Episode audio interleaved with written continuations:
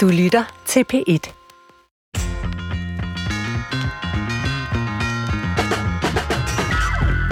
Farvel til 2022, der blev året, hvor vi endelig sagde farvel til corona.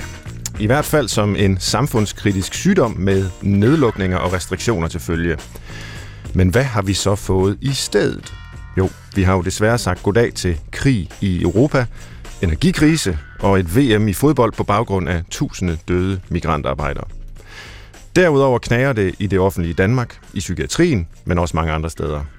Jamen altså, kan vi kun finde kriserne? Er det sådan, mennesker fungerer? Det skal vi tale om i Brinkmanns Brix i dag, hvor vi siger farvel til 2022 og goddag til 2023. Velkommen til. Ja, velkommen til Brinkmanns Brixes nytårstradition, hvor vi vinker farvel til 2022, og vi siger goddag til 2023 i dag med Lea Korsgaard og Vincent Hendricks, som jeg introducerer lige om lidt. Men først til retlægger Christoffer Heide Højer, så skete det. Vi kan droppe coronasnakken. For et år siden, der var det lige ved, at øh, Lea i det tilsvarende program her ikke kunne medvirke på grund af Mm. en mulig positiv coronatest. Det er kun et år siden, men det føles som en evighed. Hvor meget fylder corona i din tankevirksomhed i dag, Christoffer?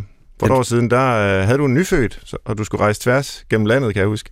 Ja, der fyldte det meget. Ja. Nu fylder det absolut ingenting. Heldigvis. Øhm, men Svend, du, øh, du kan jo godt lide... Altså, du elskede de der smittetal.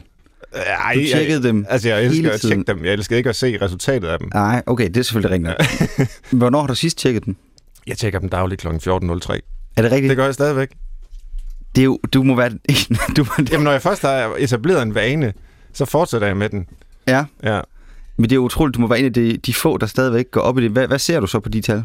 Jamen, øh, lige nu er det jo for opadgående med, med smittetallene. Men øh, Søren Brostrøm og dem alle sammen, altså, de siger jo, at vi ikke skal bekymre os om det, og at det nu vidderligt er som en influenza øh, på, på alle måder i vores samfund. Vi skal ikke gøre noget særligt ud af det. Og ligesom vi ikke offentliggør dagens influenzatal, så, så skulle man måske heller ikke offentliggøre de her coronatal. Men så længe de gør det, så sidder jeg klar og trykker opdater 14.03. Jeg synes lige, vi skal høre den spot, om du havde for et år siden. For nu, det er jo det, der er med det her program nu. Nu kan vi jo faktisk øh, gå tilbage i arkiverne og høre, hvad du har sagt. Og, Og- og du havde en spot om, om det her coronaliv, hvor længe vi skulle leve i det. Altså, jeg har jo hele tiden haft den her frygt for, at der vil komme en variant, som vaccinerne stort set ikke virkede imod. Mm. Øh, de virker jo så, øh, men, men ikke mod smitten i særlig høj grad, hvis overhovedet, øh, men de virker mod sygdom. Øh, så derfor har jeg aldrig helt tur at sige, okay, nu er det slut. Øh, vi ved jo også historisk, ikke? Altså den spanske syge, 100 år siden, godt og vel, den tog tre vintre, har jeg lavet mig fortælle. Og det her det er jo faktisk kun vinter nummer to i Danmark med coronavirus. Så vi skal nok i hvert fald indstille os på, at med næste skal- vinter, der laver vi det samme Program. det samme øh, nytårsprogram øh, med, med, med de samme gæster. Dem vil vi så altid gerne have med og møde jo. Ja. Øh, men desværre også med de samme temaer. Sådan bliver det ikke, Svend. Ja, både og. Altså tredje vinter, det er den, vi har nu. Og det er den, der afslutter corona-pandemien. Jeg tror, for næsten alle danskere er det afsluttet. Du, jeg tror, du er, du, du er den eneste, der tjekker smittetal. Du lever Ja, i et helt andet øh, år, skulle jeg nærmest til at sige, end Ja. os andre. jamen, det er nok rigtigt. Lad os lige høre personligt for den gode Svend Brinkmann, årets sidste program. Hvordan, hvilket år har det været for dig? Det har været et øh, blandet år. I den øh, alvorlige ende, der mistede jeg en af mine nære kolleger, også øh, en gæst i programmet her, og Mm. en af mine venner, Anders Petersen, der døde alt for ung. Øh, og det har været rigtig svært, fordi meget af det forskning, jeg har gået og lavet, har jeg lavet sammen med ham. Så når jeg nu får forskningsmidler, hvad jeg har fået i år også, for nu at nævne noget, der, der har været godt, øh, så er det hele tiden med sådan en, øh, en ærgelse over, at Anders ikke øh, kan være med til at lave det også. Mm. Så øh, ja, op og ned på, nu skal det ikke være sådan et privat øh, bekendelsesprogram. Det må det gerne være. Øh, vores unger bliver større. Vi har en, der er student, en, der er øh, i udlandet lige nu, og der sker en hel masse der. Apropos kriserne i vores liv, Svend, Ja. så er det jo, kunne man argumentere for, at vi forlod corona, og så ikke ret lang tid fik vi uden øh, kriser. Så var der en krig i Europa, og som så fyldte, eller fylder enormt meget, og der kan man så tjekke, tjekke dødstal i stedet for smittetal, hvis man vil det. Og øh, altså, jeg, jeg kan ikke lade være med at tænke på, om vi ikke kan lade være med at fokusere på kriserne. Det må du som psykolog vide. Ja. Hvorfor er det det, der fylder? Nu nævner du det også selv, og jeg forstår det jo godt. Det er jo alvorlige ting, du taler om. Men hvorfor er det Ja. det, der popper op? Hvorfor er det det, vi forholder os til i første omgang? Ja, den allerdybeste forklaring på det er jo nok, at vi har sådan en nærmest evolutionært nedlagt disposition til at holde øje med det farlige. Øh, når der så sker noget godt, så registrerer vi det også, men det hæfter sig ikke hos os lige så meget som det, det farlige, det problematiske, det ægle.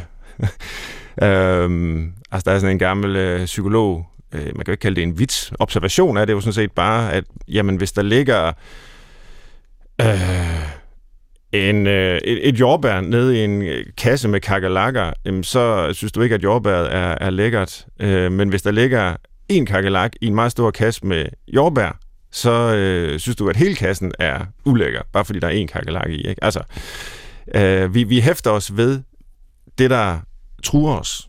Mm. Og det er jo meget klogt, at vi er indrettet på den måde, men det er jo også klogt at minde sig selv om, at der ikke kun er trusler. Fordi så er det svært at, at komme op om morgenen, og det er svært at ture til på fjernsynet, når vi hører om den ene krise efter den anden.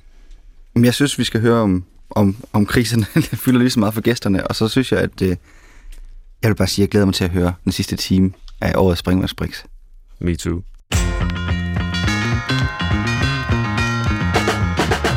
Velkommen for tredje år i træk til øh, professor ved Københavns Universitet og leder af Center for Information og Boblestudier, Vincent Hendricks. Velkommen. Tak fordi du måtte komme. Tak fordi du vil være med igen. Og øh, en lige så stor tak til chefredaktør for netmediet Zetland og formand for Danmarks Medie- og Journalisthøjskole, Lea Korsgaard. Velkommen, tak, Lea. fordi jeg måtte komme også. Det er rigtig dejligt at have jer med igen, og øh, jeg ved ikke, om det var planen, men nu startede Christoffer og jeg med at tale nærmest lidt øh, personligt. Øh, på den måde kunne jeg også tænke mig at, at indlede med spørgsmål til jer. Dig først, Lea. Hvordan har 2022 været for dig? Hvad er der sket i dit liv? Du bestemmer selv, hvor ja, meget du vil ja, ja, fortælle om. Jeg deler gerne ud. Øhm, øh, der er sket øh, to store ting, tror jeg, sådan i mit, i mit private, personlige liv. Den, den ene er, øh, nu siger du, at jeg er ved at få store børn. Det er jeg også, men de er stadigvæk yngre end dine. Det der med sådan, min, min yngste er blevet øh, 10 år, mm-hmm. og, øh, og, og pludselig ser livet faktisk ret anderledes ud, end, end, øh, end når man har små børn. Jeg savner småbørnslivet, men jeg kan også godt se, der er, der er vidunderlige ting ved, at de er så store, som man kan føre spændende samtaler med dem. Ja. Øhm, det er det ene, og det andet er, at jeg, øh, jeg har skiftet job, fordi at jeg i et år var, øh, var øh, arbejdende bestyrelsesformand for Zetland, og nu er jeg tilbage at være chefredaktør. Øh, og det har betydet, at jeg ligesom er blevet genforelsket i mit eget projekt. Mm. Altså, øh, altså ikke i mig, men, i, men, øh, men, men, i, øh, men i Zetland. Jeg synes, det er så sjovt at være tilbage og, øh, og have fingrene ned i, øh, i det, jeg egentlig synes er aller sjovest, nemlig at lave, lave journalistik. Mm-hmm. Øh, så det har været sådan, faktisk øh, sådan et, et kæmpe energiudladning at, øh, at opdage Gud, hvor, hvor har jeg været med til at lave en arbejdsplads, jeg faktisk ægte nyder at være på, og som jeg synes, det er vildt meningsfuldt at, at med ind på. Ja, Vincent, hvad er der sket i dit liv? Jeg tror, jeg skal starte med at sige, at jeg har altid en sondring mellem at være personlig versus at være privat. Ja. Jeg bryder mig nemlig ikke om at være privat, men jeg kan godt tillade mig en vis forstand at være personlig.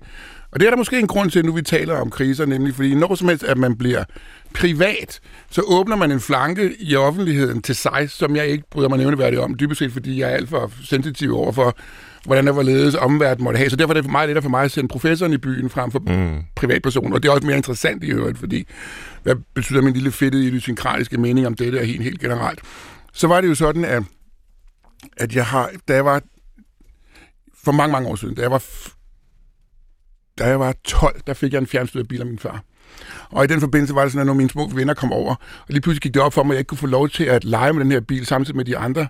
Og så hiver jeg ham i, i skjorten, og så spørger jeg ham, hvad med mig? Og så kigger han på mig, og så siger han, ja, hvad med dig? Det her det er ikke noget med dig at gøre, det er noget med dem at gøre. Så hvorfor kan du ikke bare nyde det faktum, at de får lov til at lege med den her bil, uden at du sådan set skal føle, at der går et eller andet fra dig? Og den har ligget og rumlet derinde og rumlet derinde i 40 år. Og nu har jeg skrevet det som en bog, og nu kommer en pointe, der hedder den What About Meism? How not to be personally pompous, predictable and pathetic. Og på dansk, der kommer den så også, også i 23, der hedder den, Nå, nok om mig, hvad med dig? Hvad synes du om mig? Øh, som egentlig er fra Proper Bertha oprindeligt fra 2000. Og det har faktisk været en rigtig sjov øvelse, fordi det er en prospektteoretisk, spilteoretisk og moralfilosofisk bestemmelse af en fuldstændig perverteret form for egoisme. Og det har været rigtig sjovt at skrive. Jeg skrev på fire uger. Jeg kunne simpelthen, da jeg først fik sat en pen til papir, eller nærmere fingre til tastatur, så kørte det bare, da jeg var færdig efter en måned, der var sådan helt, øv, var det ligesom det? og det er faktisk første gang, jeg har haft det sådan med ja. et værk, at jeg tænkte, hvor er det dog ærgerligt, at jeg nu er færdig med at skrive. Men nu kommer så alt den redaktionelle proces, det kender I jo også, det er jo med blandede følelser, man går ind i den. Ja. Hey, det er det bedste at være flow. Ja. Og være ja. dybt nede i... Ja, jeg, kunne jeg, jeg, jeg, kan jo jeg kunne vågne klokken 4 om morgenen. Ja. Altså ligesom der, der, når jeg tænker på beviser nogle gange, så begynder jeg sådan om aftenen at tænke, okay, jeg skal lave det der i morgen, og så læser jeg mig lidt op på det. Og så, det er fantastisk med den der computer, vi har siddet på toppen. Ikke? Den ligger jo bare og ruller hele tiden. Og næste morgen, mellem kl. 8 og kl. 12, så er der bare readout. Fedt. Nå, vi må have den bog på Brixen, Vincent, når den kommer. Jamen, jeg, skal, jeg kender forfatteren, jeg skal gerne... du kan booke en aftale hans Outlook. Jeg har øh, tre emner med, som vi har forberedt lidt om øh, i redaktionen. Og øh, det første, det er Ruslands angreb på Ukraine. Det er jo helt tilbage i, slutningen af februar, 24. februar, at øh, Rusland invaderede. Øh, alle blev overrasket. Kan I huske, hvordan I selv reagerede på det, Lea? Øh, ja, man gik jo i dagene op til, øh, eller i ugerne var det jo faktisk op til, og øh, jeg blev ved med at tænke, det, det, det er tomme trusler, det der. Mm. Øh, og kæmpe store øh, trummer, som øh, ikke skal andet end at skræmme, men det skulle de jo faktisk. Ja. Øh, jeg tror, jeg synes, det var lige så chokerende og trist og alvorligt som resten af, i hvert fald resten af Europa. Ja. Jeg kan huske, øh, de amerikanske efterretningstjenester, de øh, i ugerne op til, der kommunikerede de hele tiden ud offentligt, nu angriber russerne, mm. nu angriber de. Det ser ud til, at de angriber i morgen. Måske bliver det i eftermiddag, og det skete ikke. Og jeg tænkte, det er da en mærkelig måde at kommunikere på. Jeg troede slet ikke, det var rigtigt. Jeg troede simpelthen, det var en måde ligesom at afværge et angreb på, ved på forhånd at sige, at vi har gennemskuet, hvad I vil, og det så vil øh, afskrække russerne fra faktisk at gøre det. Men det viser jo, at det var faktisk korrekt, det de kommunikerede ja. ud. Der var et angreb under, ja opsejling. Jeg ved ikke, tænkte du over det, Vincent, dengang? Øh, altså, man kunne ligesom følge det ske Helt bestemt, og det, det var et meget godt, en meget god eksercits i kognitiv dissonans, specielt ja. i hele Europa, ikke sandt? Altså amerikanerne havde sagt det, som du rigtig nok pointerer, at de var gentaget det og gentaget det og gentaget, og ret beset kan man jo sige, at det havde Putin jo i og for sig også sagt. Mm. Altså, at der var grænser for, hvor tæt man kunne komme på ham, uden at han ville reagere på det. Specielt med den der nazi-udvidelse og så fremdeles, og så var der tale om EU-optagelse den slags. Så han havde jo sagt, at det kommer ikke til at ske. Og samtidig så tænkte vi, men det kommer ikke til at ske. Og så, du ved, så alt talte ligesom for, alt evidens, eller i hvert fald store dele af evidensen, talte for, at det ville være kendskærning, at han ville invadere før eller siden, samtidig med, at vi havde en helt anden opfattelse i vores hoved. Så vi skulle ligesom prøve at arrangere den der det der, den uro, der var, og den uro, dem, de handlede på, det var, at det kommer ikke til at ske. Mm. Og så skete det. Så ret beset kan man sige, at det var virkelig en eksercits i kognitiv dissonans, altså. Og, vi, og, og formentlig også, fordi vi ønskede det jo heller ikke skulle ske. Altså, ja. der har vi jo ikke lyst til at have krig på det, mm. på det europæiske kontinent efter en fredfyldt periode på 50-20 år, eller noget den omegn til 2. verdenskrig. Mm.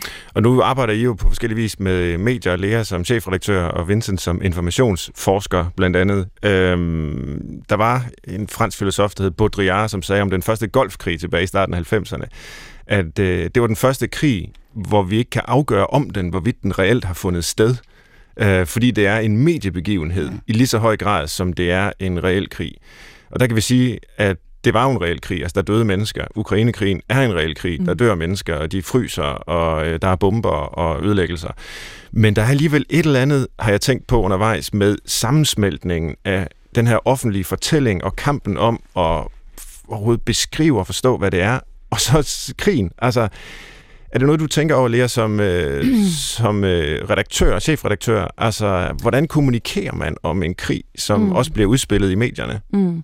Jo, men det er jo klart, at krigen foregår på pl- flere planer, vil jeg sige. Mm. Altså, jeg tror ikke, jeg var, jeg, jeg var ikke helt enig med Bodiardi om, om i, i, altså, det er også et, den, den er et meget, ekstremt udsagn. Den er virkelig ja. jo reelt. Den koster menneskeliv. Ja. Der er folk, der går i gaderne hver dag og, og risikerer at miste deres øh, elskede. Øh, men, men det er klart, den, det er jo også en informationskrig. Jeg kan, noget af det, jeg øh, husker tydeligt tydeligst fra de første uger, det er øh, Instagram-videoen, eller den var vel andre steder end inst- på Instagram, men jeg så den på Instagram, af, af Zelensky, der, øh, ja. der, der står ude i gaderne i sin armigrønne t-shirt og ja, siger, præcis. jeg er her. Øh, jeg er her. Se, hvem der også er. Vi, jeg er ikke flygtet. Øh, det var jo ekstremt stærkt, og jo øh, i og for sig jo et, et, et, øh, et våben over for Putin. Se, jeg er her stadig, og, og jeg kan få folk til at begejstre sig over, at jeg stadigvæk er her. Men jo også øh, øh, noget, der opfordret til håb og til, mm. til kampgejst. Ikke? Er der en risiko for, at vi kommer til at se den her krig som en slags uh, reality program, Vincent, altså, øh, man kan sige, ja, Zelensky, ja. det er så i vores øjne den gode, og han er der i Kiev med øh, Army-t-shirten på, og jeg kan huske, vi idoliserede nærmest i begyndelsen de her, hvad hedder en Klitschko, øh, Kievs borgmester, som sådan en sværvægtsbokser, og det er sådan en hel øh, karaktergalleri, Øh, ligesom hvis det havde været øh, Paradise Hotel eller et eller andet. Altså, det er en virkelig dårlig sammenligning. Ja. Men, men mere den der, altså pludselig så er det også underholdning. Ja, og det er, og det er fuldstændig rigtigt. Det er det, man kalder hybridkrig, ikke sandt? Ja. Det er jo dels en kamp, der foregår på, på jorden, og så er det en informationskrig, som som, som, som Lea nævner, og det vi kæmper om er jo sjældent kendskærningerne. Vi kæmper om, hvad for nogle fortællinger vi kan henholde os til, og vil henholde os til, afhængig af, om vi står på den ene eller på den anden side. Og der spiller medierne også en vis rolle, apropos Baudrillard, for det som Baudrillard jo siger, det er, at når medierne begynder at spille en ret stor rolle i de her sammenhæng, så er det, at vi kan nå i den der hyperrealitet, hvor vi så at sige ikke kan adskille virkeligheden fra fortællingen, eller fra den mediemæssige fortælling, eller nærmere sagt det her, at han siger jo så også, at medierne er med til at skabe mm. en virkelighed. Øhm, og det kan man så, det tager han så relativt langt ud i ekstremerne, det behøver man sådan set ikke at tage så lang tid, men det er selvfølgelig klart, at medierne også spiller en rolle i både i kuratering og i valg og andet. Og så er det jo sådan, at man kan jo få sådan nogle meget perfide interesser i forbindelse med sådan nogle krigshandlinger. Så for eksempel er det sådan, at det, det engelske The Sun, de laver sådan nogle små klip på 100 på, på omkring 100 sekunder, eller sådan noget i stil, men 80 100 sekunder, hvor man ser en drone flyve hen over nogle russiske tropper, og så dumpe en granat fra mm. meters højde, som så rammer nogle russiske tropper, der ligger. Ikke sandt? Og det gør det enten på infrarødt eller på andet. Og det er sådan nogle små, det er sådan nogle små klip, som de lægger ud, og så kan man se, se lige her, eller de har fået en ny raketkaster, eller de har fået det der en. Se lige, hvordan den virker. Så man kan, det, det er blevet sådan nogle små memes nærmest mm. øh, hos The Sun. Og det er jo i sidste instans underholdning, ikke sandt? Jo. Så man er til at indstille sig på, at krig, eller en her, for sit vedkommende jo også lige pludselig er et er et medieoutlet, mm. øh, og dermed også skal allokere kræfter til, at for, for, for, hvad for nogle fortællinger, der skal i søen, og hvordan de skal i søen. Og det ser vi altså mere og mere. Og ukrainerne har været rigtig dygtige til at få de her små klip, og så sætte dem i cirkulation. Dybest set for også at påvirke fortællingen om, hvad der er, der sker derude. Mm. Men, men jeg ved dog ikke, jeg, jeg, jeg, øh, ja, det der findes, øh, og der findes øh, uden tvivl også øh, andre memes af, af krigen, men jeg, jeg køber ikke ideen om, at, at fordi at vi oplever krigen øh, i en, en medieret virkelighed, er det per definition underholdning. Øh, altså det at, at gribes af, af noget vigtigt og alvorligt, det sker, det at øh, øh, engageres følelsesmæssigt i, øh, for vores tilfælde på ukrainernes side, det, det, det er hverken underholdning eller forkert. Det er jo sådan, vi er som mennesker. Ja. Altså, det, det, er jo, det er jo dybt øh, menneskeligt, at øh, vi forstår store begivenheder, ikke kun med vores fornuft, men også med vores følelser, og skal det også. Altså, jeg, jeg er ikke...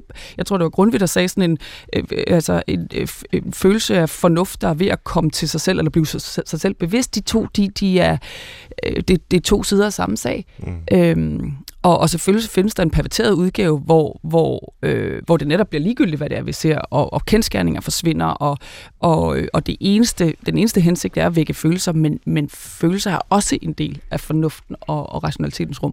Vi skal lige nå, fordi jeg øh, nævnte jo for lytterne, og ja, sådan set, at vi skal omkring tre emner, vi har valgt ud. Nu har vi talt længere om Ukraine. Øh, lidt mindre dramatisk kunne jeg tænke mig at springe til folketingsvalget i Danmark. Det har fyldt meget, øh, siden det sådan blev tvangsudløst, kan man vel sige. Øh, og så havde vi en lang valgkamp, og nu har der været lange regeringsforhandlinger. Vi optager i dag den 13. december, og vi går ud fra, at vi får en regering lige om lidt, men i talende stund ved vi ikke, hvad den bliver. Øh, jeg fristes til at spørge jer om, hvad I tror, vi ender med af regeringen, fordi så kan vi holde jer op på det den dag, den her udsendelse bliver Jeg synes, det er helt vidunderligt, det her. Jeg plejer at nægte og gætte og ja. indgå i det der kommentateri, hvor man skal sidde og kigge ind i en spokhul og, og, og gætte om fremtiden. Lige her er det ret sjovt, ikke? fordi ja. der er det jo sket, når udsendelsen bliver sendt. Øhm, men det kan jo være helt forkert, det vi siger. Ja. Lige om lidt, når ja. nogen siger noget. Men, altså, vi, vi er vel der, hvor man kan sige, øh, S og V vil med stor sandsynlighed indgå i en regering. Ellers så alt det, der er sket i de seneste dage op til meningsløst. Spørgsmålet er, om der skal andre partier med. Hvad tror I? Lige nu, der ved vi, at i går aftes, det vil sige den 12. december, der mødtes øh, øh, Socialdemokratiet, Venstre, Moderaterne og det radikale Venstre øh, sent om aftenen på Marienborg. Så lige nu der er det radikale Venstre og Moderaterne også øh, med, og altså baseret på det, vil jeg sige, at der er stor sandsynlighed for, at det bliver en, en fireparti-regering. Øh, ja. At de stadigvæk er med så langt, også fordi jeg tror, at begge partier, ikke mindst Radikale Venstre, vil gøre utrolig meget for at blive ja. i, det, i det lokale. Firekløver-regeringen, tror du også på det, Vincent? Oh, må jeg ikke tillade mig at være agnostisk her, i den forstand at forstå, det er okay. at jeg kommer simpelthen ikke til at gøre. Jeg har ikke kvalifikationerne til det, jeg har ikke forudsætningerne, og jeg nægter at blive en del af kommentatorriget. jeg egner mig ikke til det, jeg er ikke dygtig nok til det, lad mig afholde mig fra det. Men lad mig sige en ting, som i hvert fald er relativt sikkert, det er, at Socialdemokratiet kommer med. det tror vi på, ja. Jeg sad sådan forleden og filosoferede lidt over, altså, fordi mange øh, er meget skeptiske over for den her øh, forening af Socialdemokratiet og Venstre. Men jeg tænker på Matador, hvor vi jo har Katrine Larsen, som er venstrekvinde og grundvigianer, og som er gift med Olof Larsen, som er socialdemokrat og grisehandler. Og de har et godt ægteskab. Ja. Kan vi få sådan et, uh, Lea, mellem uh, Mette og Jakob? Ja, det, er, det, er, det, det håber og tror jeg på. Øh, jeg det, det, nu, jeg sidder og forestiller mig, hvordan kommer det her til at lyde, når, når, når, ja, den, når vi hører men, det. Men, men glem det. Øhm, jeg vil være enormt skuffet over en SV-regering, hvis det betyder, at, øh, at vi bliver mindre ambitiøse på, mm. øh, på, på klima og den grønne dagsorden. Men jeg tror 100% på det, du siger. Der er en mulighed for, at... Nej, lad mig starte et andet sted. Der var en gang, hvor det radikale venstre i samarbejde med, med Socialdemokratiet, var det, der på mange måder sådan fagnede det brede folkelige Danmark. Vi havde Socialdemokratiet for byen, et øh, arbejdernes parti, og så havde vi det radikale venstre, der sådan var den øh, husmanden, øh, kommunelærerens øh, parti ude på landet det er det radikale venstre ikke længere. Det er et storbyparti for øh, akademikere, helt groft sagt. Mm. Øhm, men til gengæld er øh, øh, Venstre jo i dag det, der har fat i, øh, i det, de, vi efterhånden vil kalde sådan håndbold Danmark. Og jeg tror faktisk i, i, i ret fin forening, at de to partier til sammen kan komme til at, Øhm, at fagne enormt bredt og, og repræsentere mennesker, som dybest set ikke har vildt meget til fælles. Eller mm. slået omvendt, som, som har enormt meget til fælles. helt, helt, helt forskelligt. Som, som netop, altså, der, så langt er der ikke fra, øh, fra, fra sådan uh, gennemsnits øh, socialdemokrat-vælgeren til uh, gennemsnits venstrevælgeren. Hvis vi nu i hukommer os relation mellem Katrine og Olof Larsen, så er det jo sådan, at Katrine siger til Ingeborg på et tidspunkt, du skal bare give ham line, han skal nok komme tilbage. Og omvendt, så er det sådan, at der er ingen tvivl om, at Olof Larsen, han ved i særdeleshed godt, hvor Katrine har placeret skabet. Ubetinget.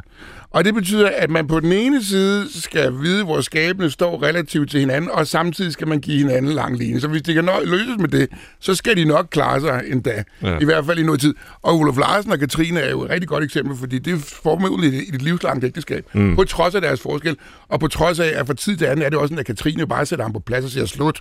Ja. Det kan være, at de skal have Dr. Hansen med. Han var jo radikaler. Det var han. Og så, jeg ved ikke, hvem Lars Lykke er, men altså, det er måske, øh, er det for ondt at sige Jørgen Varnes? ja, det, det, ja, ja, det synes jeg faktisk. Okay. Øh, hvem filen... Nej, nu bliver jeg helt... Hvem er, hvem er Lars Lykke i Moderaterne? Ernst Nyborg. Øh, Ernst Nyborg. det er kunstvaleren. Det er ja, hvem er, hvem, Morten Grundvalds karakter. Nå, det er Morten Grundvalds karakter, er det rigtigt? Ja, det kan da godt være. Ja. Kom. Ej, er han ikke mere... Øh, er han ikke mere... Hvad, hvad filen hedder Mads Gjerns øh, bror, der kommer Christen. til byen med alle sine nye idéer? Øh, og, øh, og alle sine nye idéer synes, at, ja. øh, at vi alle sammen sådan, at vi alle sammen i virkeligheden bare skal get along. Ja. Det, altså, det, det, det er sådan jeg... den, den, den meget øh, venlige udgave. Nu har vi dannet en Matador-regering. Og jeg skal bare lige høre, før vi går videre. Øh, det tredje punkt, vi havde tænkt på øh, at spørge jer til, det er det her, altså selve den her krisebevidsthed. Øh, klimakrise, krigen som en krise, energikrise, inflationskrise, vi har været igennem coronakrise. Det ord, det optræder overalt er det berettiget? Det, det er selvfølgelig en diskussion, altså hver eneste gang, man så bruger det, om det er berettiget i det tilfælde, og måske ikke i det tilfælde. Men, men hvor, hvorfor bruger vi det hele tiden, Vincent? Jamen, det er der sikkert flere grunde til, apropos den samtale, som dig, Christoffer, havde indledningsvis mm. omkring det her krisens øh, genealogi, om I vil, ikke sandt? Så er der ud over det faktum, at vi formentlig er primet til også at fokusere på dem, fordi det er en del af vores overlevelsesstrategi, som du pointerer. Så er der også to andre ting, man kan anholde, nemlig det her, at, vi, at, at succeser har det med at være individuelle, men kriser har det med at være kollektiv. Så det betyder, at succesen er noget, som det enkelte individ kan have, men når det går galt, så er det typisk noget, der falder tilbage enten på gruppen, fællesskabet eller et helt samfund. Og det betyder, at den berører os bare ulige mere. Mm. Og så er der en sidste ting, som man skal være opmærksom på her, som Kahneman og Tversky faktisk er opmærksom på. Så dem er, der ved, hvem Kahneman og Tversky er, den ene var psykolog, den anden var økonom. De fik lavet i 70'erne det, man kaldte prospektteori, hvordan vi havde det med risiko. Om nogle af, og mange af os har jo ligget den der store mobbedrang derhjemme af Daniel Kahneman, som var psykologen i det her øh, ægteskab her, som hedder Thinking Fast and Slow. Og i den forbindelse er det sådan, at det, de siger, en af deres store resultater, det er det her, nemlig, at tab føles dobbelt så slemt, som det, man stod til at omvendt at have i gevinst. Mm. Og det betyder, at hvis vi kan, så undgår vi tab alt det, vi kan. Men samtidig er det sådan, at velvidende, at det faktisk er noget, som føles for os mennesker meget slemmere, end det, vi tilsvarende stod til at vinde. Så derfor er det ikke så mærkeligt, at vi tit og ofte fokuserer på det, fordi ligegyldigt hvad, så vil vi undgå tab. Og en af de eksempler, som de laver på det, eller eksperimenter, de laver, det er, Kristoffer, nu skal du være her. Du får et valg. Du kan enten få 50 kroner kontant af mig nu, eller du kan få 100 kroner, så skal jeg bare have 50 tilbage. Og der vil majoriteten have det sådan. De vil hellere have 50 kroner kontant lige nu og her, end at få 100 og så aflevere 50 tilbage. Fordi tabet af de 50, det føles lige meget slemmere, end de 50 kroner, man stod til at vinde i første omgang. Så for den betragtning har det formentlig også noget for sig, at fordi tabet føles os som mennesker så grangiveligt meget værre, vi et tilsvarende stod til at vinde, er fokus tit og ofte også på det, som vi stod til at tabe. Og vi er som mennesker typisk risikoaverse. Heller en mindre, men sikker gevinst, end en højere, men usikker gevinst. Og det betyder, at hvad vi, hvis vi kan få det sikre, så tager vi det sikre. Mm. Men dermed er vi også opmærksom på, at mørket derude føles dobbelt så slemt, som det eventuelle lys. Men, men mørket føles slet ikke så slemt, da jeg var ung, som det gør nu.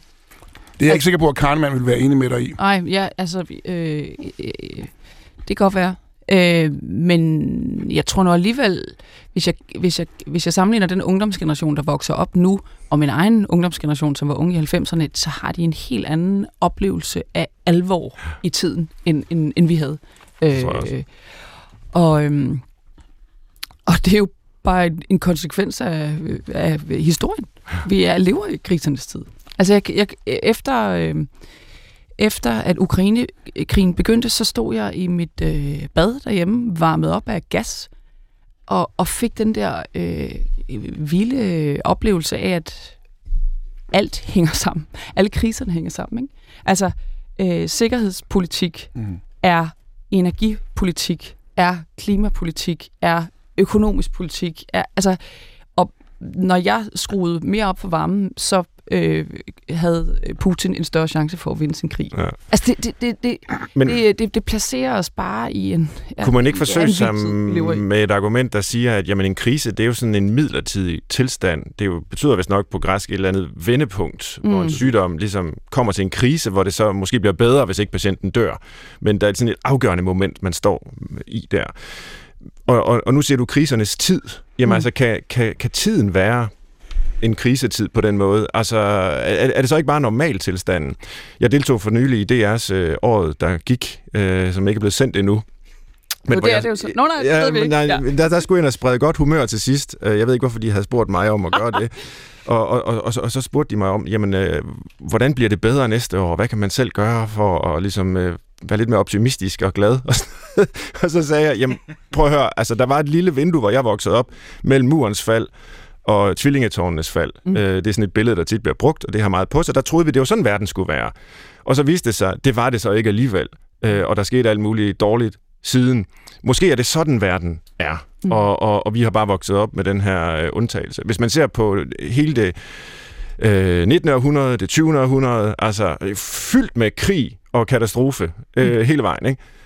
Måske er det sådan, verden er. Det, det mm. kommer så til at sige. Og så den søde vært, hun, øh, efter vi sagde farvel, så siger vi bliver nok nødt til at klippe noget af det der ud, fordi det er jo lige før gulddreng skulle synge, og alle skulle være glade. Men, men jeg mener det jo sådan set. Altså, øh, måske er det bare normaltilstanden, og er der så overhovedet en krise? ja. Øh, jeg, tror, jeg, jeg tror, ja, det er normaltilstanden, og, og, og, og ja, normaltilstanden er fyldt med kriser. Mm. Det er jo ligesom et menneskeliv.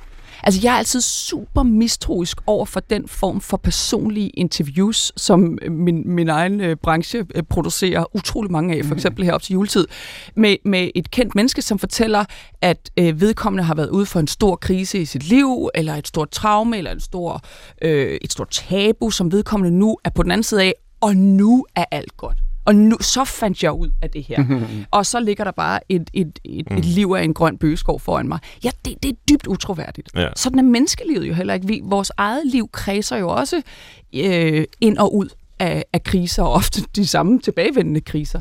Og, og på samme måde tror jeg, det er med historien og vores, vores samtid, at, at, øh, øh, at vi vil... Øh, at vi vil vende tilbage til, til, til de samme former for kriser, og så lærer vi lidt, og så kommer vi et andet sted hen, men der vil være andre kriser eller lignende kriser i fremtiden også. Bare fordi jeg får supplere op det, som, som Lea sagde før, nemlig når du står i badet, og lige pludselig går det fra at være en gaskrise til en økonomisk krise, til en politisk krise, til en sikkerhedskrise. Sådan er det jo med systemiske kriser. De har alle sammen ringe i vandet kriser. Det samme gælder også indfrielsen af FN's 17 verdensmål, eller OECD's globale dagsorden, eller World Economic Forums 10 udfordringer til verden. Et problem er lige pludselig mange. Vi så det også under corona. Det startede med nedlukning, og så endte med socialpolitik. Ikke? Altså, du ved, mm. så der er også en helt lige linje der. Og det, der jo typisk er ved det, det er, at horisonten på løsning af klimakrise, migration og flygtning, verdensomspændende sundhed, misinformation på nettet og alt muligt andet. Det er jo en generation, eller sådan noget. Mm. Det er lange, lange løsningshorisonter. Mm. Men vores billede som mennesker er jo ikke lange horisonter. Så jeg tror, man skal prøve at sondere, man skal prøve at sondre mellem kriser, som har en lang løsningshorisont, og så vores relativt begrænsede horisont, som går til næste år, eller næste jul, eller hvad det jo måtte være. Og i de perioder, hvor om det gælder, at det godt kan se rigtig mørkt ud, og rigtig lange løsningshorisonter, så kan der jo godt være kortsigtede glæder. Og måske mm. skal vi lige tænke i, at vi husker at indstille lyset rigtigt, når vi taler om det gode og det slette, i den forstand at forstå, at noget af det har altså en længere løsningshorisont, men i mellemtiden kan der jo godt være lyspunkter, som man så alt kan glæde sig over. Det skulle du ja. have sagt i forbindelse med gulddrengen, det der, Nå, jo, men, jo, men der er jo samtidig også de, de, hvad kan man sige, de længerevarende glæder. Altså, øh, fordi kriser bliver ved med at opstå, betyder det jo ikke, at fremskridt ikke, ske, fremskridt ikke sker. Mm. Vi har mm-hmm. afskaffet slaveriet for lang tid siden. Vi lever ikke længere som festebønder. Øh, kvinder har fået stemmeret. Øh, vi må ikke længere slå vores børn. Det, det, så der sker jo øh, gode ting, som også, øh, som også har, har blivende karakter. Og det er måske en meget fin overgang, øh, eller det ved jeg faktisk ikke, men nu prøver vi at lave den til øh, de emner, I hver især er blevet bedt om at tage med, og som øh, jeg ikke har forberedt noget til, så vi ser, hvad der dukker op, og det bliver dig først, øh, Lea Korsgaard. Et emne fra året, der gik. Hvad vil du gerne have, at vi diskuterer? Jamen, øh, det har jo været øh, endnu et år, har jeg lyst til at sige, hvor der er blevet slået øh, fuldstændig vanvittige varmerekorder over hele hmm. øh, kloden, men, men altså særligt i år. Det begyndte tilbage i januar, hvor øh, der på en, en, en lille værstation ved en lufthavn i Vestaustralien, Onslow Lufthavn, bliver øh, målt en varmetemperatur på 50,7 grader Celsius, øh, som slår eller er på linje med rekorden for øh, varmerekorden for det øh, hele den globale øh, øh, sydlige halvkugle. Ja. Øh, og derfor går det bare slag i slag med den ene hedebølge efter den anden, der ruller fra øst til vest, fra nord til syd, øh, hen over kontinenter, hele det globale syd. Øh, vi, vi bliver jo selv ramt i Europa, kæmpe bælte i USA, hvor øh, millioner af mennesker... Øh, ikke kan, kan altså nærmest arbejde eller fungere, fordi der er så varmt. Øh, samtidig så eksploderer energiforbruget, fordi at alt det, vi bruger til at nedkøle os selv, aircondition og køleanlæg og den slags, bruger vanvittige mængder af strøm, som jo er på sin egen tragiske måde med til at, at, øh, at minde os om, at, at vi bare ikke er, altså, vi, vi er langt fra at løse den her øh, klimakrise. Øh, og, og for mig var det, øh, altså, jeg ved sgu ikke, jeg, jeg, jeg, jeg begyndte i, øh, jeg satte mig for, at jeg vil se alle sommerfuglearter i Danmark mm-hmm. i mhm. løbet af en sæson. Nå, det kan jeg godt huske, du sagde. Jeg, jeg ved ikke en skid om, og jeg ved ikke ja. en skid om sommerfugle, øh, og jeg er egentlig ikke... Øh, Hvor mange er der? Øh, der, der er 64 sommerfuglearter. Ja. Jeg nåede at se 60. Åh, oh, det var mange. Ja, jeg sponsede rundt. Men, men på en eller anden måde var det en form for sådan spasme, en, en reaktion på, øh, på, på den der fuldstændig deprimerende øh, kendskærning, at, øh, at, at vi simpelthen bare stadigvæk er på vej. Det er helt forkert sted her. Mm. Øh, så jeg apropos glæder og kriser, jeg blev på en eller anden måde nødt til at øh, øh, se den her natur, inden at vi er ved at gøre, øh, vi er, som vi allerede er i gang med at gøre øh, voldsom øh, vold på. Øh, og ja, Hvor ja. står du henne med hensyn til, øh, altså hvad kan man sige, diskussionen om, hvad vi kan og skal gøre. Altså, for år tilbage skrev Jonathan Franzen, den amerikanske forfatter, et meget omdiskuteret essay, hvor han, og han er, han er jo et fugleelsker, mm. øh, og naturelsker. Øh, men, men, men han skrev, nu er det for sent. Altså, mm. vi, vi kan ikke længere begrænse temperaturstigningen, og det vi skal nu, det er at afbøde de negative konsekvenser af den så meget, som vi kan. Og det mm. bliver ikke perfekt, men vi må gøre, hvad vi kan. Så det ligesom omlægge vores... Og det fik han rigtig meget øh, kritik for, fordi han sagde, vi må da ikke give op. Øh, kom nu, vi skal holde under øh, stigningen under halvanden grad, og i hvert fald under to, og, og hver lille stigning betyder utrolig meget, osv. Ja. Men nu er det som om, at det han skrev dengang, ja, det er 5-6 år siden, eller noget den stil, det er det, som øh, forskerne også er begyndt at sige, rigtig mange af dem i hvert fald, ingen tror vel længere, vi kan holde det, de globale stigninger under halvanden grad. Øhm, er, det, er det tabt? Jeg tror, det er det slag, ja. Altså, vi, kan, vi kommer ikke til at holde det under halvanden grad. Mm. Øh, men, øh, men jeg vil synes, det var... Øh, så, så jeg tror, begge, begge bevægelser er vigtige. Mm. Både at forhindre, at det eksploderer mere, end, end det allerede er på vej til, og samtidig jo simpelthen tilpasse os. Vi kunne jo se den her sommer, Europa er ikke bygget til de varmegrader. Det var vildt at se. Altså vores infrastruktur brød sammen. I Athen måtte de ansætte den første heat, chief heat officer for at omstille hele byen til, til en helt anden, et helt andet øh, klima. Der var øh, broer i London, som blev pakket ind i sådan noget sølvpapir for at reflektere lyset, for at de simpelthen ikke smelter væk ja. øh, og bryder sammen under konstruktion. Togene kan ikke køre, fordi skinnerne bliver for varme. Vi har, vi, simpelthen vores, vores samfund er ikke bygget til det. Så vi bliver jo også øh, nødt til altså helt konkret at, at, at ændre vores samfund, by, bygge samfundet op på ny i en mm. eller anden grad i hvert fald, hvis, hvis vi skal kunne øh, øh, leve med de varmegrader, der kommer. Vincent, du fortalte før om øh, Kahneman og Tversky og den her tabsaversion, vi har. Altså, vi frygter tabet mere, end vi glæder os over en mulig gevinst. Her står vi med en kæmpestor risiko for et enormt tab, ja. som menneskehed, måske ikke for den enkelte, der bor lige præcis her i verden, det får vi jo at se, mm. men, men, men så i hvert fald for individer, der bor alle mulige andre steder i verden, og som menneskehed øh, især. Altså, hvorfor agerer vi ikke hurtigere, hvis vi er så bange for tabet, når vi nu står til at miste ja, altså, potentielt vores civiliserede liv? Formentlig fordi vi ved, hvad vores civiliserede liv er, og vi ved ikke, hvor stort tabet er, men vi ved godt, det kan blive stort. Sagt mm. på en anden måde her. At på den måde er vores, det er jo et meget godt eksempel på, at vores horisont er relativt kort, så vi ser ikke meget langt frem. Og noget, der har en løsningshorisont på 50-100 år for sin løsning, bare se politisk set, de bliver valgt for en fireårig periode. Jeg kender ikke mange politikere, som stiller deres politiske mandat til højkøjen på en løsningshorisont, der hedder 100 år. Og, og det betyder jo formentlig nok det her, at det faktisk, at vi er relativt øh, vi, vi ser ret kort frem, betyder, at det, der ligger meget hinsides, det bliver enormt svært at forholde sig til. Og så kan vi hurtigt pakke det ind, på trods af præcis det, som læger siger, nemlig startbaner kunne ikke bruges, flyenes dæk smeltede og så fremdeles. At vi kan godt se, at der er et eller andet. Men det efterlader den enkelte med, jamen hvad vil du have, jeg skal gøre ved det? Hvad vil du have, jeg skal stille op med det? Hvad, hvordan skal jeg forholde mig til det?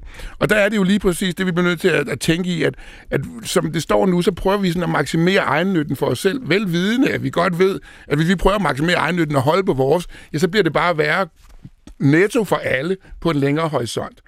Men, men på den måde er vi lige præcis tabsaverse, så vi prøver at holde fast så godt vi kan. Og så skal vi lige huske på en ting omkring det her. Ikke? Ja, vi har det slemt i Europa. De har det slemt i USA.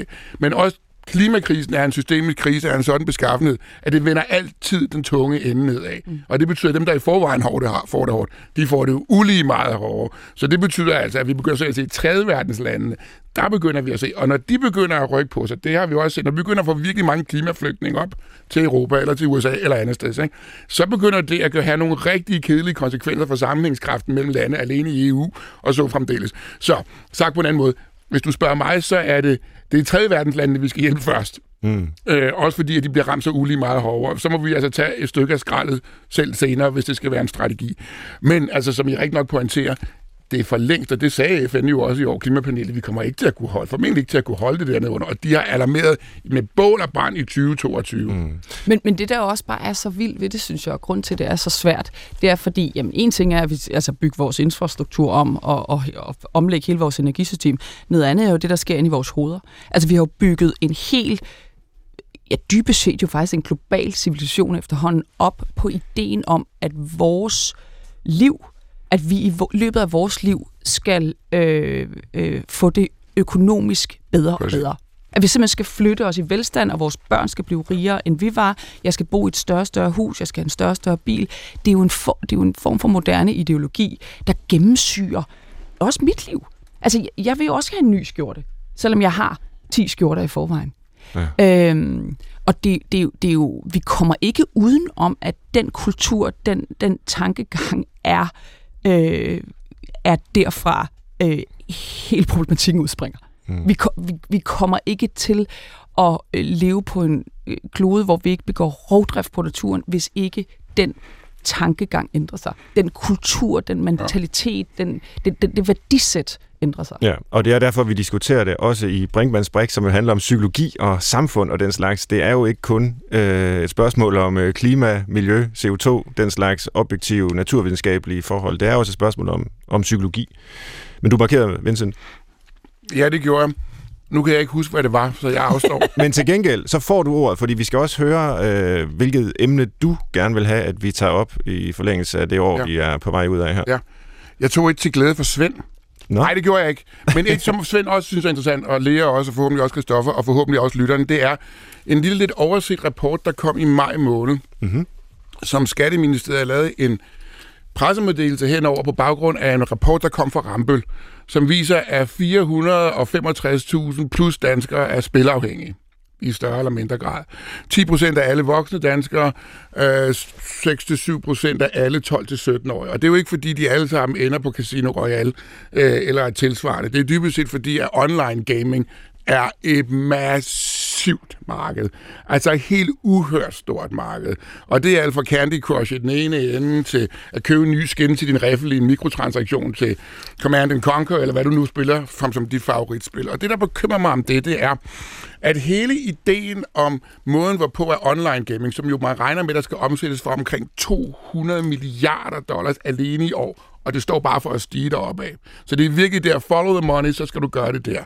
Og det, som er bekymrende for mig med de her spil, det er jo i vid udstrækning, at når vi taler om, at folk er blevet spilafhængige, så taler vi jo i sidste instans om, at alt for, online spiludbyderne, og for den sags skyld også sociale platforme, de kigger altså typt i hjernestammen for, hvad der er, der motiverer os. Og det er nogle studier, der går tilbage til før, til 30'erne, B.F. Skinners rotteforsøg, hvor man så, så man, man, man, man bekymrer sig om, hvad er det en, der giver anledning til, at du kan få for en operant, i det her tilfælde en rotte, til at lave repetitiv adfærd. Og så lavede han en lille skinnerboks, hvor der var en udløsermekanisme nede i den ene ende, og så smed han en sulten rotte ned i boksen, og når den, fik, når den ramte den der udløsermekanisme, så fik den en foderpille. Og det gik meget hurtigt, den blev meget, det var et meget adaptivt, det gik meget hurtigt, til den fandt ud af det, men den havde jo ikke nogen interesse i den pågældende mekanisme, ved at den ikke, fordi den var sulten, så, så gav den ikke at trykke. Og det han så gjorde, det var, at han modificerede forsøget bare en lille smule.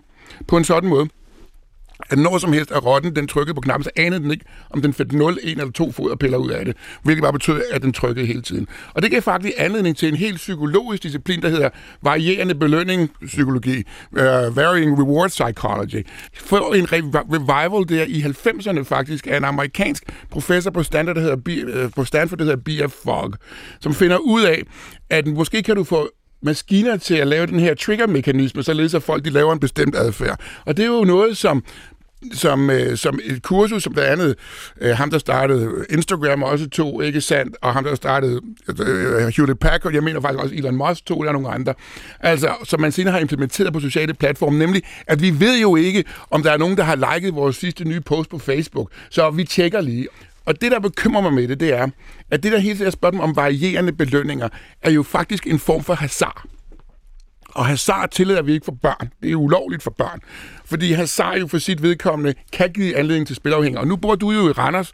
Og Randers Kommune er jo faktisk meget bekendt den første kommune i Danmark, som har lagt, nedlagt et forbud mod bettingreklamer. Mm. Præcis af den årsag, så man ikke animeret eller promoveret også til børn og unge, nemlig spil. Mm. Og det, der er interessant ved det, er, at vi faktisk ikke tillader hazard men den struktur og varierende belønningspsykologi, der ligger bag alt fra Candy Crush i den ene ende til at købe, at købe et ekstra squint i sin rifle i den anden, er en form for hasard, fordi den er baseret på en enarmet 20 -knægt. Du ved ikke, om du vinder, og derfor bliver du ved med at smide penge i, og på den tidspunkt har du tilstrækkeligt meget sunk cost, at det kan ikke svare sig for dig at stoppe, fordi så står du bare til at miste de 2.000 kroner, så jeg prøver det en ekstra gang. Og det bekymrer mig. 465.000 danskere for deres vedkommende mener i større eller mindre grad, at de er spilafhængige. Mm. Og hvis det er sådan, at vi, at vi, at vi øh, at vi hylder den der den ideen om det autonome menneske, mm. så er det lige præcis alt andet end det, som, som man går efter ved at lave afhængigheds- og adfærdsmodificerende spil, dybest set for bare at skaffe engagement og sælge reklamer. Det er jo i og for sig det. Og det gælder altså sociale platforme, som det gælder online. Og det er en bekymring for mig at se, fordi det kan jo lige præcis betyde, at den der autonomi, som vi i hævd holder så meget og synes er så vigtig, og som man siden Kant har ment var vigtig, hvorfor det? Fordi hvis du ikke kunne få folk til at tage individuelt kvalificerede beslutninger om alt fra, hvilken kummefryser de skulle have, til hvad de skulle stemme ned i boksen, så kan du faktisk ikke stimulere demokratiet på en sådan måde, at det også er et oplyst demokrati. Og det er selvfølgelig at male det ud med den meget store brede pensel. Men grunden til, at Kant og Rousseau og Montesquieu og alle de andre var store tilhængere af autonomi, det var jo i sidste instans fordi, at den her autonomi skulle være med til at styrke de gryende demokratier rundt om i Europa og i USA. Mm. Så vi hævdholder ideen om autonomien rigtig meget, men det er faktisk noget, som er en kende udfordret i dag, alene af den her årsag, som jeg håndterer her. Så argumentet er, at der er en særskilt problematik, hvor sagde du, 10% af voksne danskere øh, har er spilafhængige, er spilafhængige, men i virkeligheden er problemet større, fordi de processer, den arkitektur, der ligesom ligger bag spilafhængigheden, er den samme, der er på øh, Instagram ja. og TikTok og alle mulige andre steder, hvor, hvor børn og unge også Færdigt. hele tiden bliver fodret og, og, og, og ja. Og så er der den her psykologiske belønningsmekanisme nedenunder, hvor man ikke ved, øh, ja, som du siger, hvor mange likes man får osv. Så, så i virkeligheden er det jo en ja, krise. en opmærksomhedskrise, eller hvad vi skal kalde en afhængighedskrise. Det er i hvert fald resultat af den opmærksomhedsøkonomi, der styrer ja. informationsmarkedet. Ikke? Og det er måske lige præcis derfor, at vi har en helinde siden nede i Bruxelles, som er begyndt at have forstået for længst, hvad det her drejer sig om. Og blandt andet siger, at ifølge DSA'en, altså The Digital Services Act, som blev stemt igennem i maj, nu taler jeg om Margrethe Vestager her, ikke? det er, at hun lige præcis siger, at den der form for rovmarketing, det bliver simpelthen per 1. januar næste år ulovligt mm. for børn af den simple årsag, at det kan have de der konsekvenser der. Og, og, og der skal vi nok være mere opmærksomme på, at det, hvor pengene tjenes, always follow the money, som det for eksempel blev sagt under Clinton. Ikke?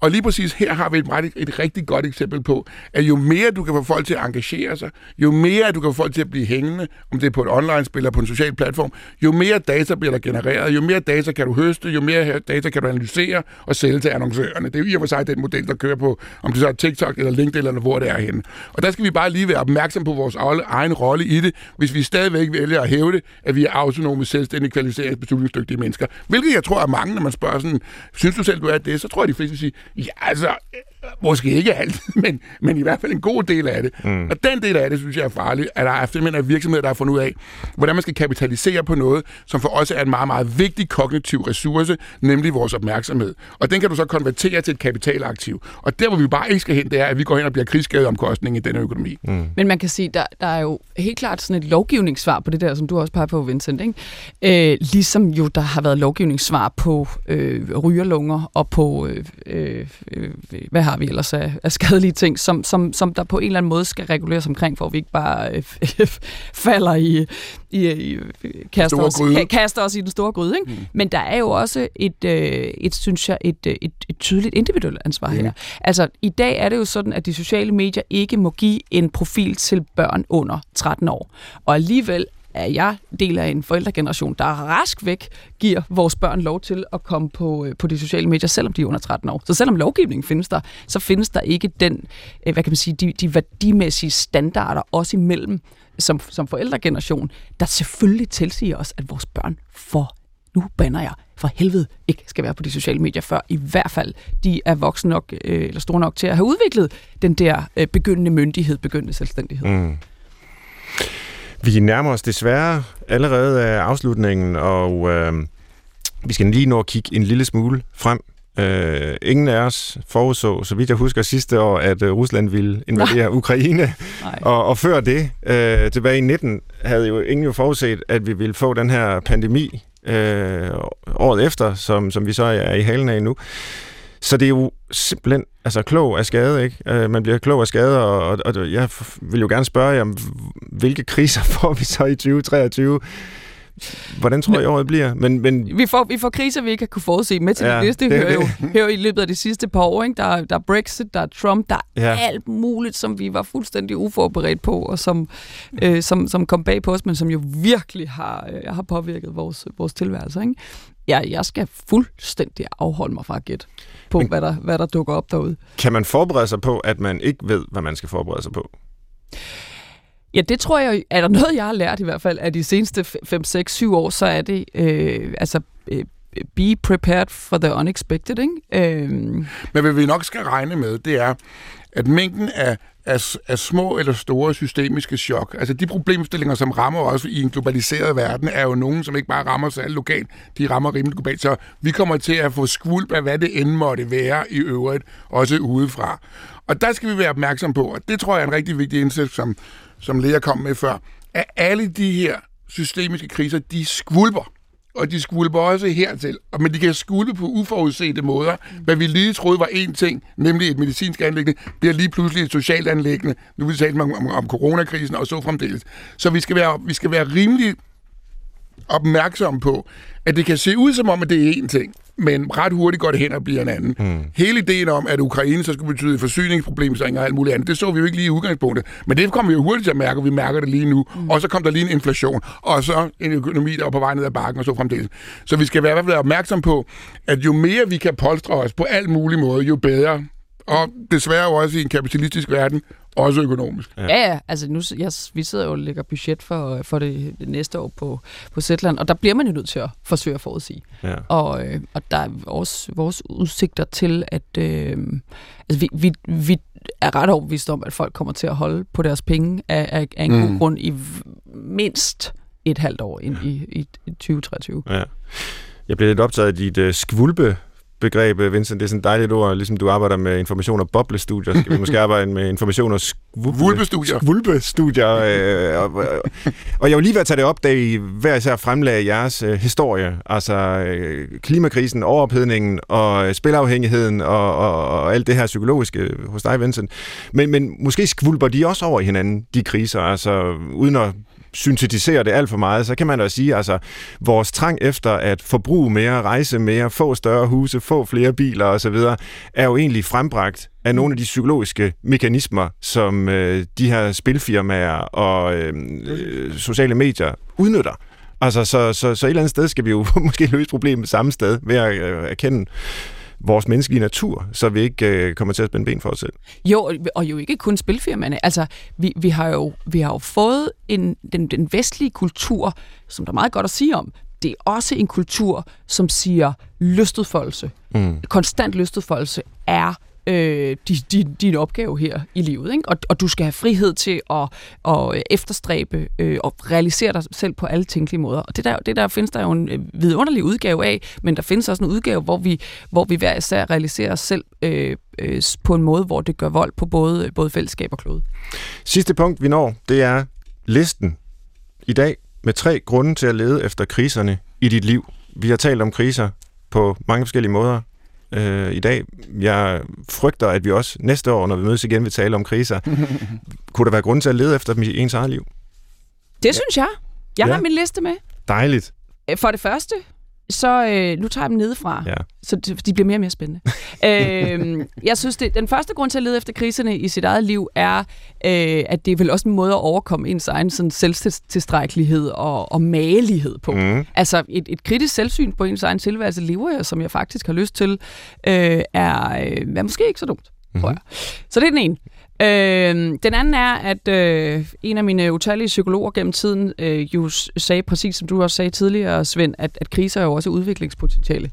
Øh, og og et, sådan et, et koncentrat af, øh, eller en, en ophedning, eller hvad kan man, ja, det er i virkeligheden sådan en tilværelses øh, overophedning, hvor, hvor, øh, hvor man kan øh, benytte anledning til at tage et, et drastisk skridt i en, i en anden retning. Mm-hmm. Øh, og den sidste er øh, hentet direkte fra Viktor Frankl, en af mine yndlingstænkere, som siger, at øh, meningen med tilværelsen er en ud af tre ting. øh, eller måske i virkeligheden alle tre ting. Det er kærlighed. Det er at løse de opgaver, som livet stiller over for en, øh, eller en overfor. Øh, og så er det ledelse. At mm. vi i ledelsen bliver øh, for øje på den horisont af betydning, som, som, øh, som øh, omgager vores, vores liv på den her klode, at det er der, hvor øh, vi på en eller anden måde kommer i kontakt med, hvorfor det overhovedet er værd at leve. Mm-hmm. Det synes jeg er meget smukt formuleret. Har du noget for at til, Vincent? Ja, jeg er tre forbundne, om jeg så må sige. Startende med, det er altid godt at lave lagerstatus. Det ja. kan man en gang om året. ja. Og så siger man, hvad er der på hylderne derinde yes. er godt og skidt. Ja. Og det er måske også for faktisk at, at, at, at tænke, hvor store er de så, når det kommer til stykket? Altså, vi, fordi jo kortere vores udsyn er, jo større kan det synes, men på længere sigt er det måske ikke engang. Og nogle gange begynder vi også at bekymre os om noget, som i og for sig ikke er. Mm. Og det gælder jo altså både i forhold til venner og familie og karriere og alt muligt andet. Og nogle gange, så det første er, lagerstatus er altid godt. Nummer to er, når du har lavet lagerstatus, så kan du også begynde at spørge dig selv om, hvor meget kan det bære? Altså, og der er nogle ting, som kan bære meget, men der er også nogle ting, der faktisk ikke kan bære så frygtelig meget. Så nogle gange, at det her med at lave, lave, lave lagerstatus, det betyder også, at vi for vores vedkommende øh, kan begynde at bekymre sig, begynde at kigge på, ja, der er sådan et godt udtryk, der hedder, så kan det vist ikke bære mere. Mm.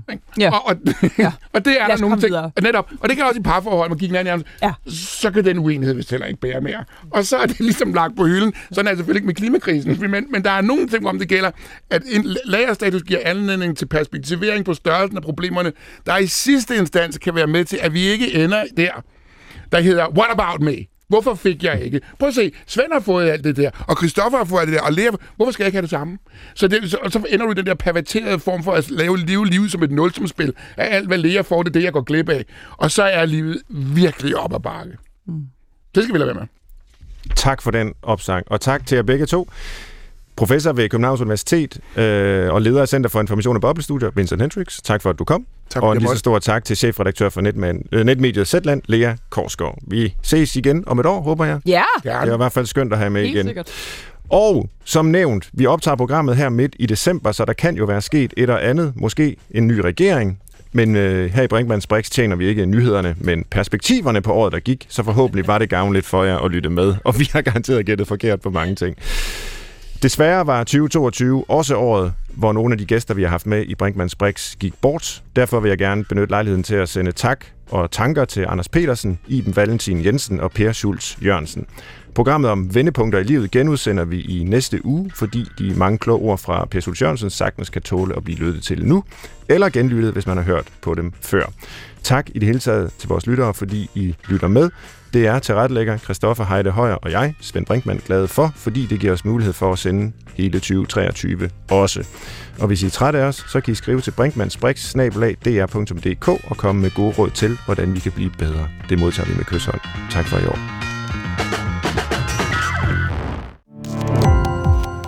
Gå på opdagelse i alle DR's podcast og radioprogrammer. I appen DR Lyd.